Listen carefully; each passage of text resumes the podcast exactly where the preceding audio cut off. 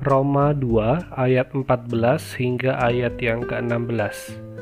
Apabila bangsa-bangsa lain yang tidak memiliki hukum Taurat oleh dorongan diri sendiri melakukan apa yang dituntut hukum Taurat, maka walaupun mereka tidak memiliki hukum Taurat, mereka menjadi hukum Taurat bagi diri mereka sendiri Sebab dengan itu mereka menunjukkan bahwa isi hukum Taurat ada tertulis di dalam hati mereka dan suara hati mereka turut bersaksi dan pikiran mereka saling menuduh atau saling membela.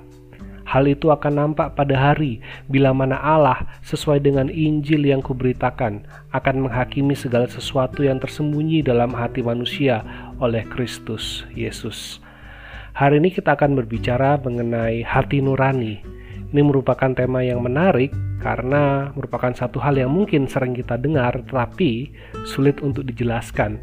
Karena hati nurani itu sesuatu yang abstrak tetapi sungguh-sungguh ada yang bisa membuat kita melakukan sesuatu atau tidak melakukan sesuatu.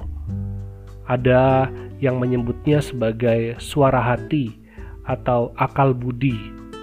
Dan menariknya, hati nurani inilah yang membuat kita dapat merasakan sesuatu itu baik atau jahat, benar atau salah, yang membuat kita bisa terharu, yang membuat kita bisa merasa iba terhadap orang lain, yang membuat kita bisa menyesal atau malu karena kita telah melakukan kesalahan atau pelanggaran. Dan hati nurani inilah yang Tuhan berikan pada manusia. Paulus memakai istilah hati nurani ini untuk menjelaskan bahwa sebenarnya tidak ada yang dapat lepas dari penghakiman Allah. Kalau orang Yahudi akan dihakimi berdasarkan hukum Taurat, maka orang-orang non-Yahudi yang tidak mengenal hukum Taurat juga akan dihakimi berdasarkan hati nurani mereka. Karena dengan hati nurani itulah mereka dapat melakukan sesuatu yang ternyata sesuai dengan tuntutan hukum Taurat. Semua orang mengetahui dan dapat merasakan apabila ia melakukan suatu kesalahan, apabila ia melakukan sesuatu yang jahat atau yang baik. Itulah hati nurani. Ketika kita melihat ada kesusahan, kita memiliki perasaan iba itulah hati nurani. Dan inilah hati nurani inilah yang menjadi standar Allah untuk menghakimi orang yang tidak mengenal hukum Taurat. Dikatakan ayat yang ke-15, sebab dengan itu mereka menunjukkan bahwa isi hukum Taurat ada tertulis di dalam hati mereka dan suara hati mereka turut bersaksi dan pikiran mereka saling menuduh atau saling membela. Jadi ketika ada suara hati, mereka menurutinya dan mereka melakukannya, itu menjadi satu penilaian. Tetapi ketika ada suara hati, mereka tidak melakukannya, tidak menurutinya, itu juga menjadi satu penilaian.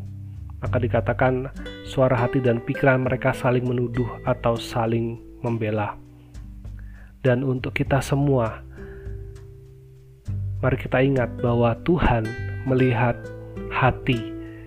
Tuhan melihat diri kita.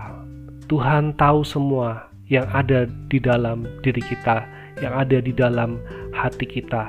Tuhan melihat hati kita, Tuhan tahu apa yang kita pikirkan, Tuhan tahu apa yang menjadi motivasi kita, Tuhan tahu apa yang menjadi keinginan dan rencana-rencana kita.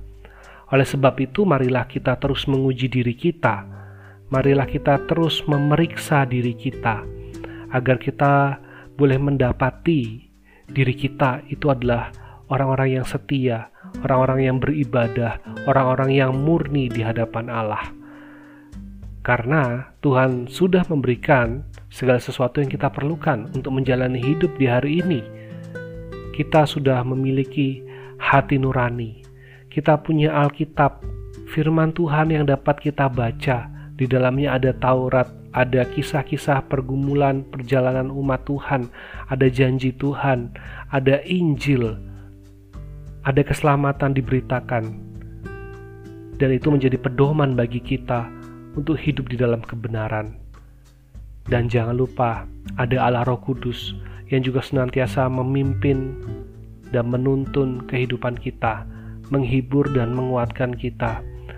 Oleh sebab itu, bela firman Tuhan di hari ini mengingatkan kita untuk kita boleh mensyukuri akan anugerah Tuhan dan kita boleh menjalani kehidupan kita murni, benar di hadapan Tuhan menjaga kekudusan hidup kita, menjaga ibadah kita, karena kita sudah diselamatkan, karena kita sudah dibenarkan, dan bila kita menjalani kehidupan sebagai orang benar di dalam hari-hari kita, sampai pada waktunya Tuhan datang menyatakan penghakiman dan memberikan kita upah sesuai dengan apa yang sudah kita kerjakan di dunia ini. Kiranya Tuhan terus memimpin, menguatkan, dan menolong kehidupan kita. Tuhan Yesus memberkati.